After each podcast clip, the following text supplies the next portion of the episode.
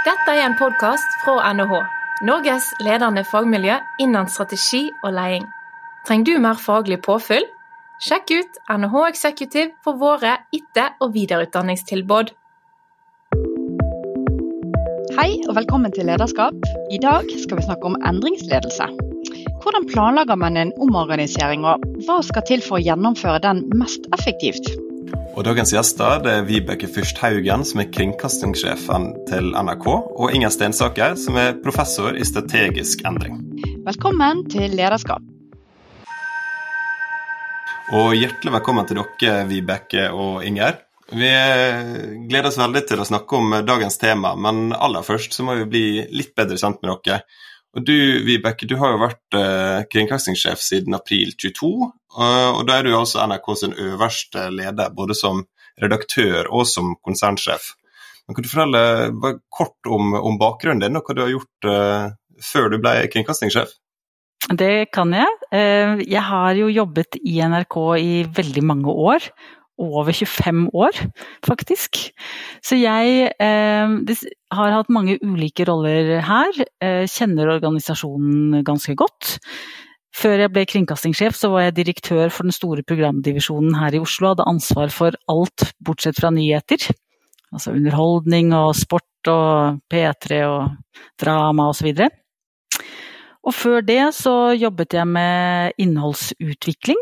Og før det var jeg redaktør i NRK Super, og så har jeg vært redaksjonssjef og produsent og gjort eh, masse forskjellige ting. Laget eh, mye program før jeg ble leder, men de siste 15 årene har jeg vært leder i NRK. Nettopp. Og du, du kjenner da organisasjonen veldig godt, og det er jo en, selvfølgelig en fordel når vi nå skal snakke om hvordan man gjennomfører endring i organisasjoner. Men kan ikke du også, før vi, før vi kommer i gang, fortelle kort om hvordan NRK er organisert? Altså omtrent hvor mange ansatte er dere, f.eks.? Det kan jeg gjøre. Vi er ca. 3200 ansatte. Vi er spredd på over 50 steder i landet. Det er over 100 yrkesgrupper som jobber her. Det er nesten fire generasjoner som jobber her, fra ettåringene som jobber i Super til 72-åringene som ikke vil slutte. Eh, og så er det eh, også sånn at vi vi, vi, altså vi har jo delt inn selvfølgelig også eh, i noen divisjoner, eh, og er akkurat nå organisert i eh, ni divisjoner med fire programdivisjoner. En i Mm. Oslo, nyhets, pluss nyhetsdivisjonen, og så er det distriktsdivisjonen av NRK Sápmi. Og så er det det vi kaller strategi og medier, som er eh, på en måte det store bestillerorganisasjonen, det som vi kalte for kringkasterdivisjonen Mm. før. Og så har vi teknologidivisjon selvfølgelig, og økonomi, finans og juridisk og organisasjon, bærekraft. Mm. Kjempekult. Så altså en, en stor og kompleks organisasjon eh, som rommer mye. Og for å, eh, vi, Nå forstår vi litt om, eh, om din rolle og, og din organisasjon. Og så må vi også da ønske velkommen til Inger, som vi har partnere partner med her. Hun har vært gjest i podkasten flere ganger. og er eh, for de fleste kjent som professor innen strategi og, og endring. Men Kan du fortelle kort om forskninga di, Inger? Jo, selvfølgelig. Veldig hyggelig å være tilbake. Eh, Jeg eh, jobber jo med omstilling i store, komplekse organisasjoner, som Vibeke akkurat beskrev NRK som et godt eksempel på. Og du kan si jeg har jobbet med det i over 20 år. Um, Og tidligere så var det store omstillinger som ofte handlet om å effektivisere. Det kunne være strukturelle endringer, kostnadskutt, effektivisering, gjøre mer for eh, på en måte samme input. Eh, Vi så også på store fusjoner og den type omstillinger, mens de siste fire årene så har vi jobbet mer på hvordan du fornyer etablerte virksomheter. Så da har vi dreid det mer i retning av eh, innovasjon og teknologidrevne endringer. Og jeg har jo vært så heldig å få være med og jobbe med deg, Inger. Jeg er jo mer på mikro- og teamnivå, men det har jo vært så spennende å følge spesielt denne boken deres, 'Innovasjonskapasitet', og hvor godt den er blitt tatt imot. Eh, og det vi har lyst til å gripe fatt i nå først, er jo når du beskriver, eh, Vibeke, denne store organisasjonen NRK, og at dere har en veldig stor flytteprosess på gang. Altså en veldig konkret, materiell endring. Eh, så hvorfor må dere gjøre denne flytteprosessen, og hvordan skal dere da gjennomføre det?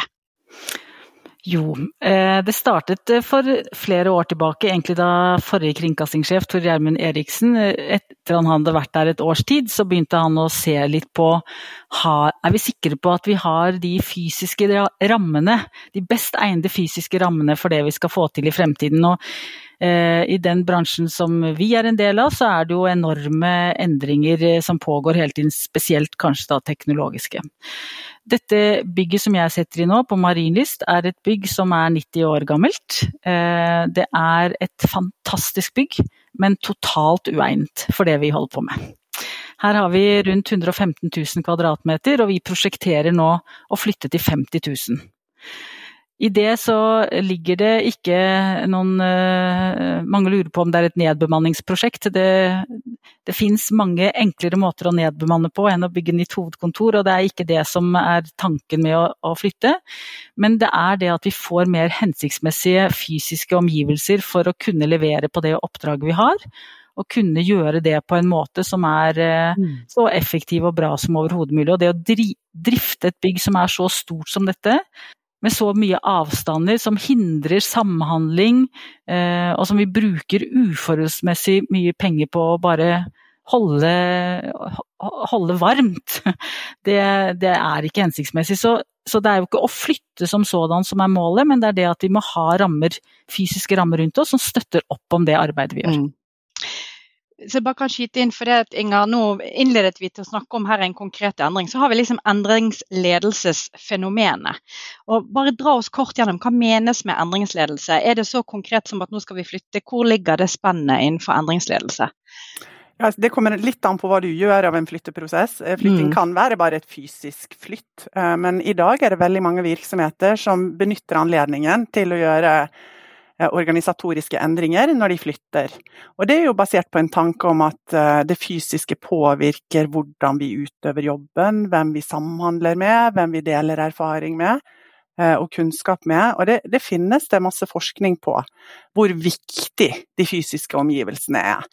Eh, så det kan absolutt være snakk om endringsledelse, men det er ikke gitt. Altså det å flytte i mm. seg sjøl er ikke endringsledelse. Og jeg blir jo ofte utfordret av de som driver med ledelsesforskning. Så sier de til meg at ja, er endringsledelse noe annet enn vanlig ledelse? Altså alle ledere må jo jobbe med endring i dag, og det, det er nok helt riktig. Eh, men den type endringsledelse som jeg snakker om, handler jo ofte om litt større endringer. Jeg nevnte fusjoner, oppkjøp, store konsernomfattende restruktureringer. Og, og, det er helt reelt at veldig mange ledere gir uttrykk for at eh, jeg har lært meg masse om ledelse, men jeg føler ikke jeg har verktøyene jeg trenger når vi skal i gang med disse store omstillingene. Så tilbake til spørsmålet om flytteprosess og endringsledelse. Ja, hvis du gjør det til det, hvis du gjør det til en større prosess som også handler om å utvikle organisasjonen, så er det innenfor rammen av endringsledelse. Og eh, sånn som jeg forstår det, Vibeke, så, så, var jo du involvert nettopp i omorganiseringa av organisasjonen og hvordan man skulle gjøre opp de ulike linjene eh, før eh, denne selve flytteprosessen ble virkelig igangsatt. Kan ikke du fortelle litt om det? Jo, det kan jeg. Og så har jeg behov for å si også at det, jeg, eh, det er ikke sånn at vi driver så mye lenger og omstiller og omorganiserer sånn hvert annet år. Og det er nok ikke helt uh, ulikt mange andre, for vi, vi, driver med kontinuerlig endring. Og det vil jeg nesten påstå at vi har gjort i 90 år. Fordi at vi har vært utsatt for så mye uh, endring i publikums medievaner, hva som finnes av muligheter, ny teknologi som, som kommer. Så det at hvis vi skal klare å levere på oppdraget vårt og være relevante for alle og nå ut til publikum der hvor de ønsker å bruke det innholdet som vi eh, tilbyr, så må vi tilpasse oss de endringene. Så Derfor så tenker jeg, kan, jeg vet ikke, men jeg ser for meg at eh, kanskje mer enn andre så har vi vært nødt til å omstille oss ganske kontinuerlig hele tiden. Og så ser vi jo nå at det er noen større skift, selvfølgelig, så jeg skal ikke eh, legge skjul på at det har vært noen store prosesser her de siste årene. Og vi har de siste ti årene er det nok 1000 som har sluttet, og så er det rundt 450 nye som har begynt, med helt ny kompetanse. Og det mm. krever selvfølgelig store prosesser, eller kontinuerlige prosesser som, eh, som gjør at vi kan få bytte kompetanse og utvikle oss som organisasjon. Og det kan jeg få lov å legge til en ting, for det nettopp det at hvis vi skal klare å utvikle innholdet vårt hele tiden, så må vi også hele tiden utvikle organisasjonen. Ellers så klarer vi ikke å drive med innovasjon. Det var jo referert til boka eh, litt tidligere her, og der er det beskrevet noe som disse tre egenskapene som handler om å sense og gripe og transformere. Og det snakker vi veldig mye om. Vi har lest boka med stor glede her i NRK. Eh, og det å liksom, evner vi, og det er jo noe vi holder på mye nå, hva er allmennkringkasting? Ikke om fem år og ti år, men om, om 80 år da, og 100 år. Vi skal jo bygge et bygg som vi tenker skal stå i 200 år. Så vi må klare å virkelig se for oss hva som kommer, og så hele veien nå mens vi i den planleggingsfasen vi er i nå, så må vi klare å gripe de mulighetene vi ser, og faktisk gjøre de endringene. Så der, eh, den boken har virkelig vært til, stor, til stor inspirasjon. Det er veldig kjekt å høre. Men, eh, men for å sirkle litt tilbake til, eh, til, disse konkrete endringene som dere har fått eh, implementert nå siste få åra, Vibeke. Du har jo du jobba i organisasjonen i omtrent 25 år, og NRK har gjennomgått store endringer. Jeg er jo veldig opptatt av en, en sosiolog som heter Hartmut Rosa, som har noe som heter sosial akselerasjon, som er et teoretisk begrep om at endringshastigheten i samfunnet har økt. Ting var mer stabilt før, og nå skjer endringer mye, mye hyppigere. Og for NRK sin del så hadde man monopol på kringkasting. Eh, man fikk ikke en konkurrent i TV 2 før i 92. Uh, eh, og, og, nå ser man kanskje på Netflix HBO og andre aktører som, som sine viktigste konkurrenter, og ikke den norske kringkasteren. Du har vært gjennom disse uh, endringene. og Sånn som jeg skjønner det, så tegner dere opp helt nye organisasjonskart og nye linjer. Uh, når var det dere gjorde det, og hvordan var den prosessen med å tegne opp organisasjonen på nytt for å møte disse endringene? Ja, det, altså, Måten vi alltid gjør de endringene på, er jo at vi tar utgangspunkt i de strategiske behovene vi har. Eh, altså, vi jobber jo med, sånn kontinuerlig med, med, strategien vår for å finne ut av hva er det vi faktisk trenger. Hvordan er det vi skal, eh, hva er det vi skal levere på de neste én til tre årene. Hva tror vi blir viktig? Og så må vi hele tiden spørre oss, men har vi en organisasjon som svarer på det? Er vi raske nok, f.eks.? Vi er en ganske stor organisasjon hvor eh, ting eh, nok eh, for mange kan oppleves å gå litt sakte.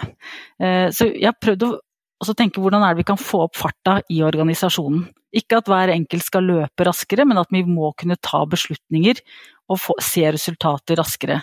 Så vi har forsøkt nå da med de strategiske behovene, og se hvordan kan vi lage en organisasjon som raskt skal levere på de strategiske utfordringene. Og når vi har funnet ut hvordan vi skal gjøre det, så starter jo selve omstillingsprosessen, som eh, jo er et veldig nitidig arbeid. For at, nå vet jeg ikke om det var akkurat dette du spurte om, eh, Tellef, men, men da handler jo det i detalj å finne ut av hvem, altså, hvem, blir berørt, og hvordan skal vi gjøre det? Og så er det en, en prosess som, som, må være grundig nok, men samtidig må gå fort nok til at eh, vi ser en ende på det. Det er helt riktig at akkurat nå, nå sitter vi og jobber med en ny struktur her i Oslo, hvor vi har slått sammen eh, noen eh, enheter litt sånn på tvers av flere divisjoner og opprettet en ny divisjon som, som, er helt annerledes og helt ny. Og der må vi tenke ganske annerledes. Så, så, men dette er, dette er, pågående prosesser, det er ikke én prosess eh, eh, som har vært helt definerende de siste årene. Jeg vil heller si at dette er noe som pågår hele tiden. Mm. Jeg får jo lyst til å høre litt med deg, Inger. Sant? I påstanden om at det går bare fortere med endringer, det er mer kontinuerlig. Er det noe du har sett òg i, i, forhold til de bedriftene du har vært inne og studert? Ja, at endringstakten er mye høyere. Absolutt. Eh, vi har egentlig jobbet ut ifra de premissene helt siden vi begynte for over 20 år siden. Og da ble mm. vi veldig ofte utfordret på det. Hvor har du mm. beviset? Så jeg noterte med begrepet ditt, Tellef. Ja. Om sosial akselerasjon. Eh, men det blir vi aldri utfordret på lenger. Det, jeg, jeg, tror at uh, uansett hvilken type bransje du er i, så kjenner du på det at endringstakten uh, har gått opp. Så det kjenner jeg meg veldig mye igjen i. Og så det som jeg hører at Vibeke beskriver, er jo nettopp det vi kaller planlagte endringer. Altså, det, man legger planer, hvordan skal strukturen se ut, hvordan skal de fysiske rammene rundt oss være. Og det er jo det vi jobber med. Det er liksom definisjonen på endringsledelse for meg. At noen har tenkt, noen har stakket ut en retning. Eh, noen har jobbet med hvordan skal vi svare på det vi senser i omgivelsene. Og så tenker jeg at den, den flytteprosessen som du beskriver, og, og strukturelle endringer, det har jo den fordelen at det er veldig konkret. Eh, det er noe du kan tegne opp, det er noe du kan synliggjøre. Eh, men så nevner du også, Vibeke, at det er mange andre prosesser som pågår parallelt. Og det er ikke alt som er like konkret og håndfast. Uh, alle endringer, uansett hvor konkret de er, bringer med seg usikkerhet. Det er en av de største mm. utfordringene med å jobbe med endringsledelse. Den usikkerheten. Og jo mer ullent og, og liksom Jo mindre du kan synliggjøre og, og, og, vise hva det er det egentlig handler om, jo større utfordring har du selvfølgelig som leder. Mm. Mm. Men kjenner vi da til noe, altså for når vi stuper inn i dette nå med at ok, det er en flytteprosess, høres jo egentlig veldig flott ut. Nye lokaler, hvem vil ikke ha det? Men apropos dette med usikkerhet og hva ansatte kan oppleve. Hva opplever du Vibeke er viktig for å trygge de ansatte i en sånn type konkret prosess? Jeg tror nok det viktigste stikkordet der er involvering og åpenhet. Mm. Eh, vi holder nå på med det som kalles for eh, rom- og funksjonsprogram, eller vi holder hovedfunksjonsprogrammet. Det handler om hvordan, altså alt det vi har her på Marienlyst, hva er det vi skal ha med oss til det nye bygget. Mm. Og når vi har så mange kvadratmeter som vi har her, og så mange færre kvadratmeter på Ensjø dit vi skal flytte, så er det jo noen ting vi ikke kan ha med. Eh, og det er ting vi diskuterer mye. Og det er klart at alle, når vi snakker f.eks. om parkering, eller vi snakker om hvor bussene skal stå, eller ikke sant. Og det mm. skaper jo selvfølgelig eh, engasjement. Noen blir bekymret. Hva betyr det for meg som jobber på den bussen, eller som er avhengig av den bussen, eller Og dette er snakk om store sånne, kringkastingsbusser, da, eh, bare mm. for å forklare det.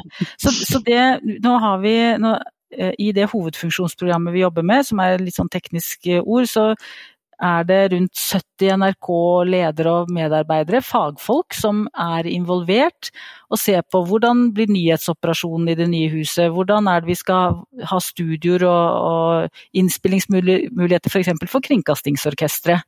Med mm. de akustiske kravene som stilles til det.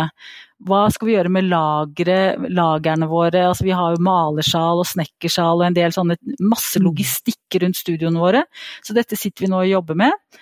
Og så går vi inn i en fase nå hvor det, hvor det, kommer til å bli mer informasjon, hvor vi må snakke om dette ganske mye oftere. Og så er det jo det at eh, vi er rundt 2000 i Oslo, og så er det 1000 andre som bor helt andre steder i landet. Og vi har hatt masse flytteprosjekter rundt omkring i distriktene de siste årene.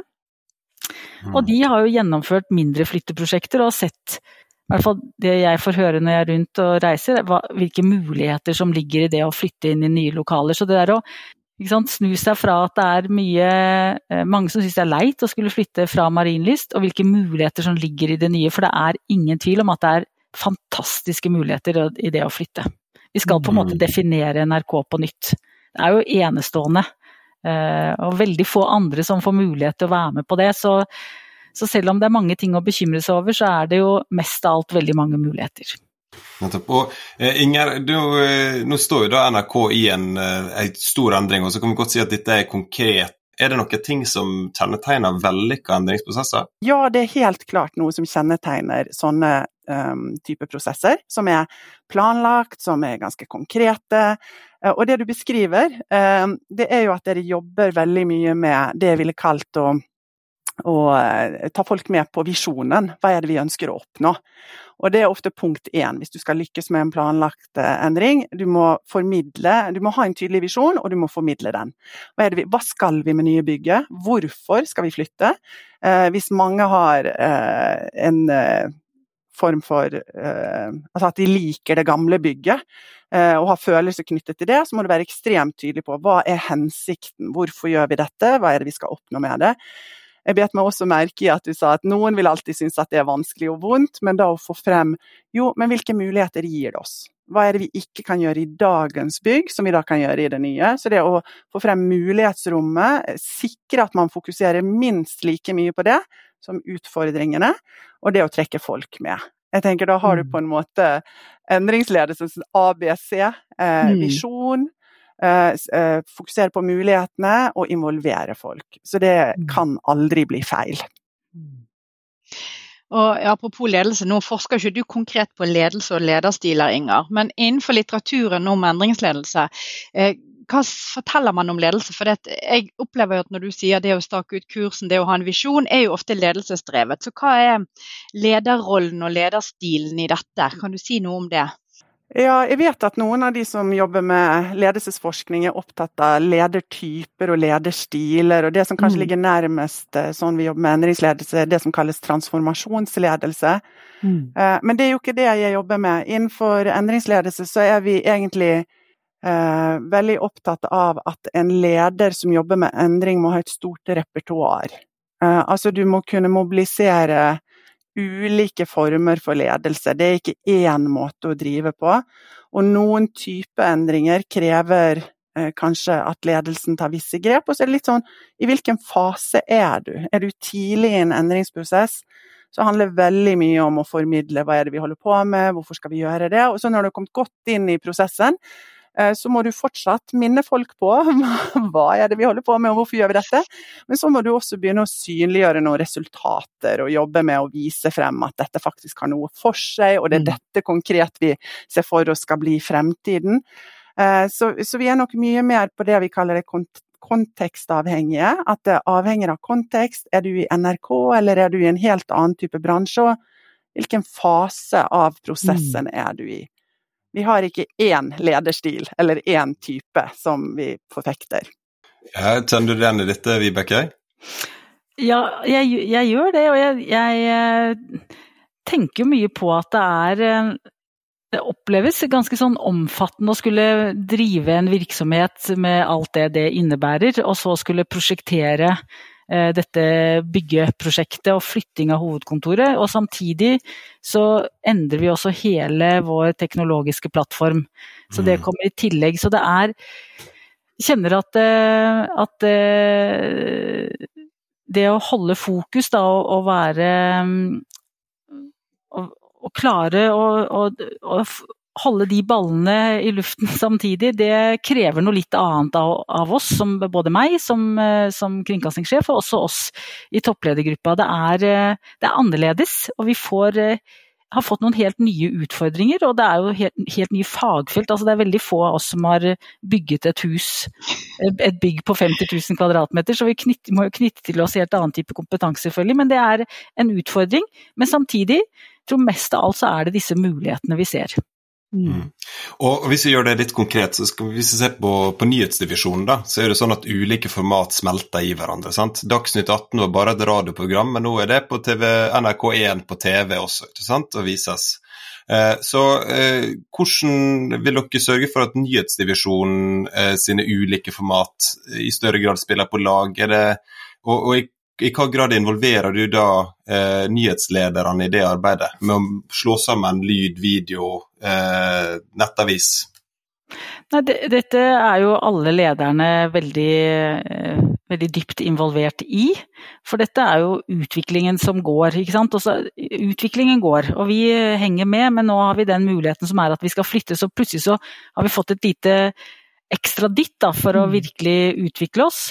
Men det er klart at det vil være eh, helt meningsløst at ikke nyhetsledelsen og nyhetsdivisjonen skal være en del av de endringsprosessene og stake ut den kursen. Og nyheter er jo eh, helt i kjernen av vårt samfunnsoppdrag. Og vi også snakker om hvordan nyhetsoperasjonen kommer til å ha en veldig sånn sentral plassering i det nye bygget. Mm. Så men så er det jo det å prøve å tenke seg hva, er, hva blir forskjellen da, på lyd og bilde etter hvert, og hvordan er det disse tingene konvergerer, hvordan er det det ser ut, og ikke bare da om tre og fem år, men om 10 og 20 og 30 år. Mm. Det er eh, spennende å for, prøve å se det for seg. Nå jobber vi med, setter vi i gang et stort scenarioprosjekt fordi at vi trenger å sortere litt i diskusjonene våre.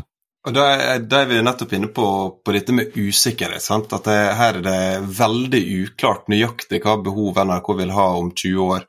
Og eh, Vi var så at vi, vi, så et foredrag med det her i, i vår, der du lanserte en, en, type arbeidsmetodikk for å håndtere usikkerhet, som du kalte for pre-mortem. Kan ikke du fortelle mer om det? Jeg skulle ønske det var min idé, men det er det altså ikke. Og, det er eh, fra den tiden jeg tok en executive master på Handelshøyskolen hos dere, eh, hvor vi var på tur og besøkte HEC utenfor Paris. Og kullet da i Mastra. Og så fikk vi eh, forelesninger bl.a. om geopolitikk og Norges rolle i Europa. Og det var eh, på den tiden, det var jo 17 eller 18, opplevdes ganske sånn eh, uoversiktlig også på den tiden. Og så kan man tenke på alt som har skjedd etterpå, så man tenker du verden så enkelt alt var da. Men det opplevdes ikke sånn da. Og så lærte professor Gaze, som han het, lærte oss eh, Han sa at nå skal jeg lære dere et verktøy som man kan bruke å som en, en, en hjelp for å navigere i usikkerhet. Og det er eh, Denne øvelsen heter pre-mortem. Eh, alle kjenner post mortem, som er obduksjonsrapporten som skrives når pasienten er død. Og det er én som ikke lærer noe av det, og det er den som er død. Så pre-mortem har som formål å klare å se for seg at det absolutt verste skal skje, og så være etterpåklok i forkant av den katastrofen, sånn at man kan lære før katastrofen inntreffer. Så man må da se for seg at det verste mulige utfall skjer i forkant av at man lanserer et nytt produkt, eller uh, går på lufta med noe, eller uh, ja. Og professor Gees, vi var 30 norske ledere som var i det kullet, så vidt jeg husker, og han ga oss følgende pre mortem. Og det var at uh, året er 2032. Norges statsminister går på talerstolen i Stortinget og erklærer Norge oppløst som nasjon. Fem år tidligere har statsministeren erklært Norge konkurs. Hva har skjedd? Og det er jo en helt fantastisk øvelse. For man jo, får jo litt sånn bakoversveis av det. Og så gikk vi i grupper, og så fikk vi en halvtimes tid til å forsøke å fortelle hva har skjedd fra i dag til, frem til 2032. Og veldig fort så fant vi ut at det var lurt å sortere sånn i teknologiske, politiske, miljø, klimamessige eh, kategorier. Vi begynte også å kategorisere hva er det vi kan påvirke, er det noe vi ikke kan påvirke. Og så kom vi tilbake til plenum, og så måtte alle gruppene da beskrive hva som hadde skjedd fra i dag og frem til dette fatale hadde skjedd. Og da skal man jo bruke både analyse og kreativitet, så det er Det høres jo ikke så lystig ut. Jeg opplever at det er en ganske morsom eh, øvelse. Og professor Gees avslutter med å si at alle virksomheter må gjøre denne øvelsen én gang i året, helst to. For hvis ikke du gjør det, så har du ikke sjans til å forberede deg når de sorte svanene mm. kommer. Og da vet vi jo, Du har jo fortalt også at dette har du gjort med dine medarbeidere i, i NRK. og Første gangen du da gjennomførte det, hvordan var det? Eh, ga det dere eh, spennende innsikter? Ja, jeg synes det For første gang vi gjorde det, så var, så var, det Da var jeg direktør, og vi samlet 40 eh, ledere eh, på flere ledernivåer. Og så så vi for oss at hele vår divisjon eh, ikke fantes mer, og alt var liksom Det var bare sorgen. Og så var det liksom Og hva har skjedd? Og da kom de gruppene tilbake, Eh, disse lederne tilbake og presenterte veldig morsomme historier, må jeg si. Det var både vondt og godt å høre på de grusomme historiene om hva som hadde ført frem til dette endeliktet. Men de eh, hadde også, for vi har pleid å legge på en ekstra øvelse som er 'dette skjedde ikke, hva skal vi allikevel som ledere gjøre'? Og det var da de begynte å stryke seg selv fra kartet. Eh, de liksom, da strøk de hele ledernivået. De strøk min jobb også, altså det, så det skal sies. Så de sa vi er altfor mange ledere, vi har for, vi har for hierarkisk struktur, vi, vi, er ikke raske nok, dette kommer ikke til å gå. Vi er for treige. Og det syns jeg var veldig interessant, for det er veldig få det er veldig få situasjoner hvor man sitter og diskuterer den type ting, og det er velkomment å mm. kunne snakke om denne tematikken. Hvilke setting skulle det vært hvor et ledernivå sier sånn stryk oss fra kartet, har ikke tid til å jobbe på denne måten. Ja, fantastisk. Inger, du må jo få kommentere litt på, på det Vibeke forteller her. Ja, jeg syns det er en fantastisk eh, historie. Og jeg har jo vært på RCC med sånne grupper med eksekutiv selv. Og når jeg kom ned der, så hadde du fortalt dette for meg, eh, Vibeke. Og, og jeg husker det veldig godt, for jeg var inne og holdt en forelesning om endringsledelse, og da snakket jeg om mer sånn tradisjonelle scenariemetodikker og, og fremtidsvisjoner som innenfor mitt fagområde ofte er positive. Hvis du skal mm. motivere folk til å være med på en endringsreise som tar flere år, så må du ha noe positivt. Det må være noe Du må gi noe håp i andre enden. Så visjoner mm. er ofte åh, oh, ting kunne vært så mye bedre. Se her, her er en fremtidsvisjon. Uh, og det var da du fortalte at ja, men i noen virksomheter så funker det bedre med en skikk skikkelig dystopi. en skikkelig krise. Um, og, og, altså det uh, som er den mer tradisjonelle måten å jobbe med scenarioer, er jo nettopp å håndtere stor grad av usikkerhet. Så du aner ikke. Altså du har ikke en tydelig visjon. Du aner ikke helt hvor vi vil være om ti år, eller kanskje til og med om fem år eller tre år. Og da er jo det en fin måte å å jobbe med holdt på å si, det utenkelige. Så du tar ofte tak i de, de største usikkerhetsfaktorene og spenner ut de. Og så ser du ok, eh, gitt at dette skjer, hvordan kan verden se ut da om tre eller fem eller ti år? Avhengig av tidsperspektivet du har. Og, og hele hensikten med det, altså grunnen til at man gjør det og, og måten det påvirker oss, det er jo at det spenner ut mulighetsrommet. Det det åpner opp for tanker som vi eh, ikke nødvendigvis tenker sånn på dag-til-dag-basis. Um, og det handler veldig lite, sånn som i hvert fall jeg er vant til å jobbe med scenarioer, så handler det veldig lite om å predikere. Altså, det handler ikke om hva er sannsynlig, hva er ikke sannsynlig, hvor, hvor stor sannsynlighet er det knyttet til scenarioet 1, 2 og 3, for ofte jobber du med flere paralleller. Men det er bare nettopp dette å liksom, tenke det utenkelig, spenne ut mulighetsrommet.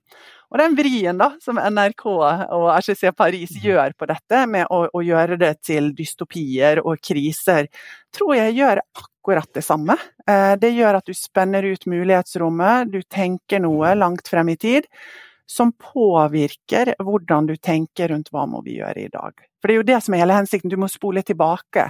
Gitt at dette kan være et fremtidsscenario, eh, og igjen, ofte trekker du opp flere, så du har flere alternativer, hva bør vi gjøre i dag? Og hvis du har flere fremtidsscenarioer, enten de er dystopier eller eh, flotte fremtidsvisjoner, så kan du da også spørre deg, mm, gitt at vi ikke vet hvilken av disse som slår, slår til, og sannsynligvis blir det ingen av de som slår til, um, er det noe vi kunne gjort i dag som ville vært fornuftig uansett? Så det hjelper deg å ta beslutninger i mm. dag. Det er poenget. Kan jeg bare legge til at jeg eh, vi jeg kjenner igjen det du sier, Inger, og tenker at det, for meg er ikke dette helt det samme som de mer klassiske scenarieverktøyene, som jo er ganske i hvert fall når vi jobber med scenarioer, så jobber vi med litt sånn større materie. Eh, dette er jo et veldig sånn enkelt og veldig anvendelig verktøy mm. som du kan bruke Det tar det det tiden det tar, er å forberede det pre mortem og formulere det. Mm. Ikke sant? Og det kan være at uh, vi skal på lufta med en podkast i morgen, eller eh, man skal lansere et produkt om en uke. Og så sier vi sånn ok, men er det, er det noe vi ikke har tenkt på? Vi kjører et pre-mortem-øvelse. Mm. Og så ser vi frem liksom ti dager, og så sier vi at mm. da er alle forsidene er liksom, hva liksom Alt har gått galt, og det er krigstyper overalt.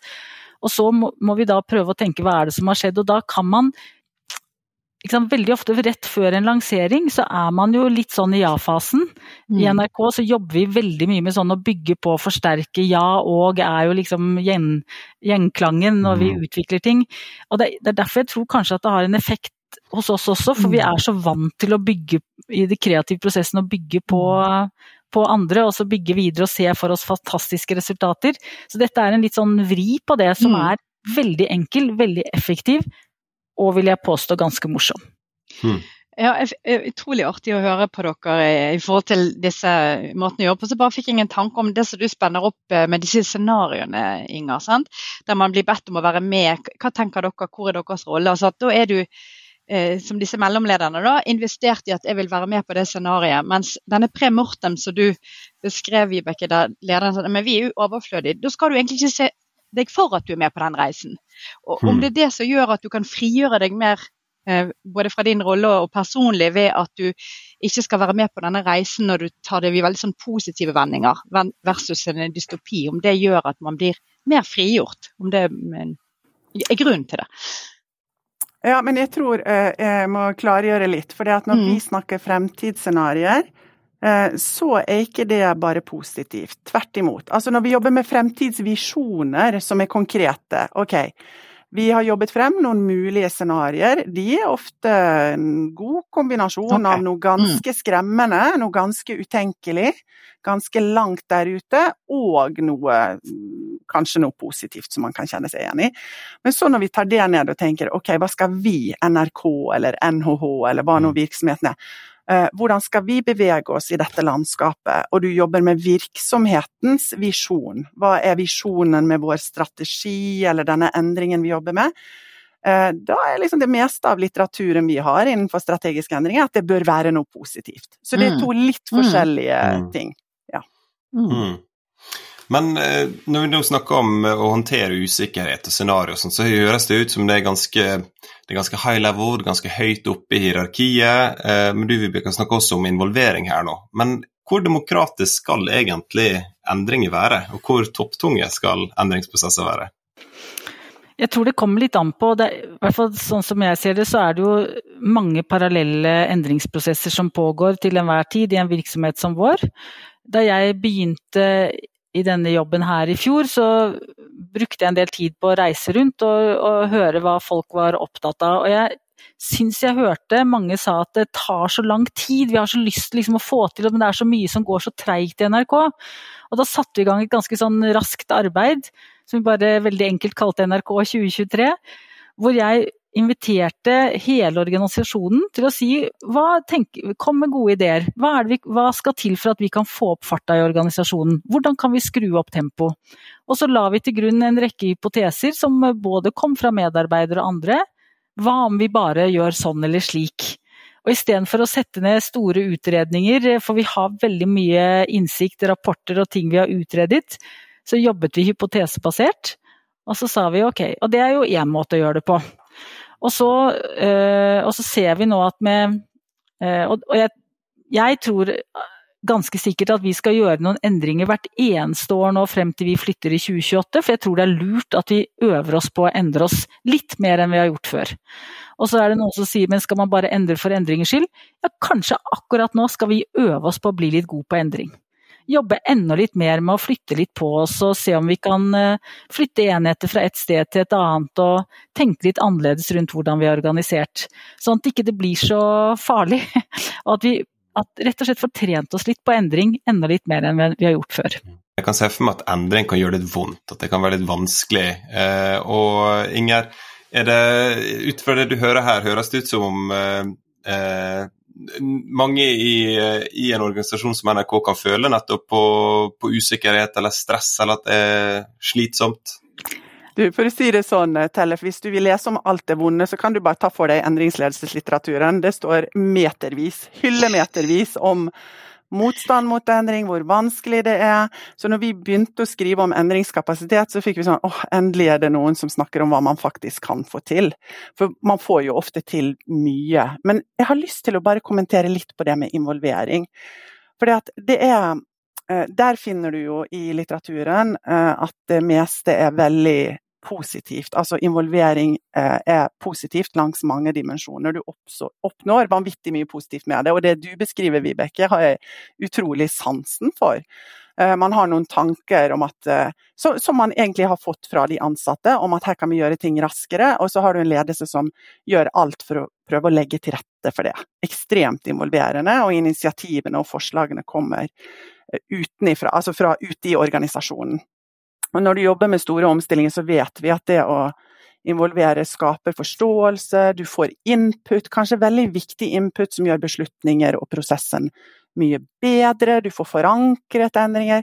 Så det er egentlig ganske entydig positivt i, i forskningen på det, men det er kjempevanskelig. Det er kjempevanskelig. Eh, og særlig hvis det er litt sånn kontroversielle endringer som ikke bare er gøye. Eh, og i Norge har vi jo en del eh, krav om hvordan du skal involvere ansatte og fagforeninger i prosesser. Så jeg tenker at det er ingen som er uenig i at det er viktig, men i praksis så er det kjempevanskelig. Og vi har skrevet en del artikler om involveringsprosesser som egentlig har kommet litt ut av kontroll. Og mm. hvis du skal involvere på en veldig god måte, så må du i noen tilfeller så må du ha ganske stram kontroll på de prosessene. Mm. Eh, så det er litt sånn jeg, Jeg føler at der er litteraturen litt naiv, rett og slett. Mm. Jeg er veldig enig i det du sier der, og jeg tror det skal være veldig styrt, veldig godt planlagt. Altså, at alle kan rekke opp hånden og si 'jeg har lyst på det'. Eh, og det må man jo gjerne, men det er ikke sånn man får til endring. Det tror jeg ikke noe på, jeg mm. heller. Så jeg, jeg kjenner igjen det du sier der. Men jeg har lyst til å si, jeg, jeg opplevde for noen år siden da vi hadde en litt større prosess hvor vi forsøkte å få til mer utveksling. Altså vi prøvde å bygge ned siloer og se hva vi kunne få til mer mellom områdene våre, hvor jeg opplevde at vi hadde noe uforløst potensial. Og det som slo meg veldig da, var at det veldig ofte er lederne som syns det er vanskelig med endring. Eh, fordi at de blir så utfordret på å tenke annerledes. Og det forstår jeg jo godt. Eh, så, så, det er vel så viktig at vi som er ledere forstår hvilken motstand vi har i oss, og hva er det som motiverer oss for å ikke ville altså, alle jeg snakker med syns at det er veldig god idé med endring, og så, de pe og så peker de mot et annet område. og så har jeg lyst til å si en siste ting, og det er Dette er jo én type endring jeg snakker om nå, men, men uh, i fjor høst så skulle vi på veldig kort tid kutte 330 millioner kroner. Da må man jobbe på en annen måte. Mm. Mm. Så det er, dette er, det, hva er oppgaven, og hvor raskt må man levere på det? Og så må man legge prosessen opp etter det.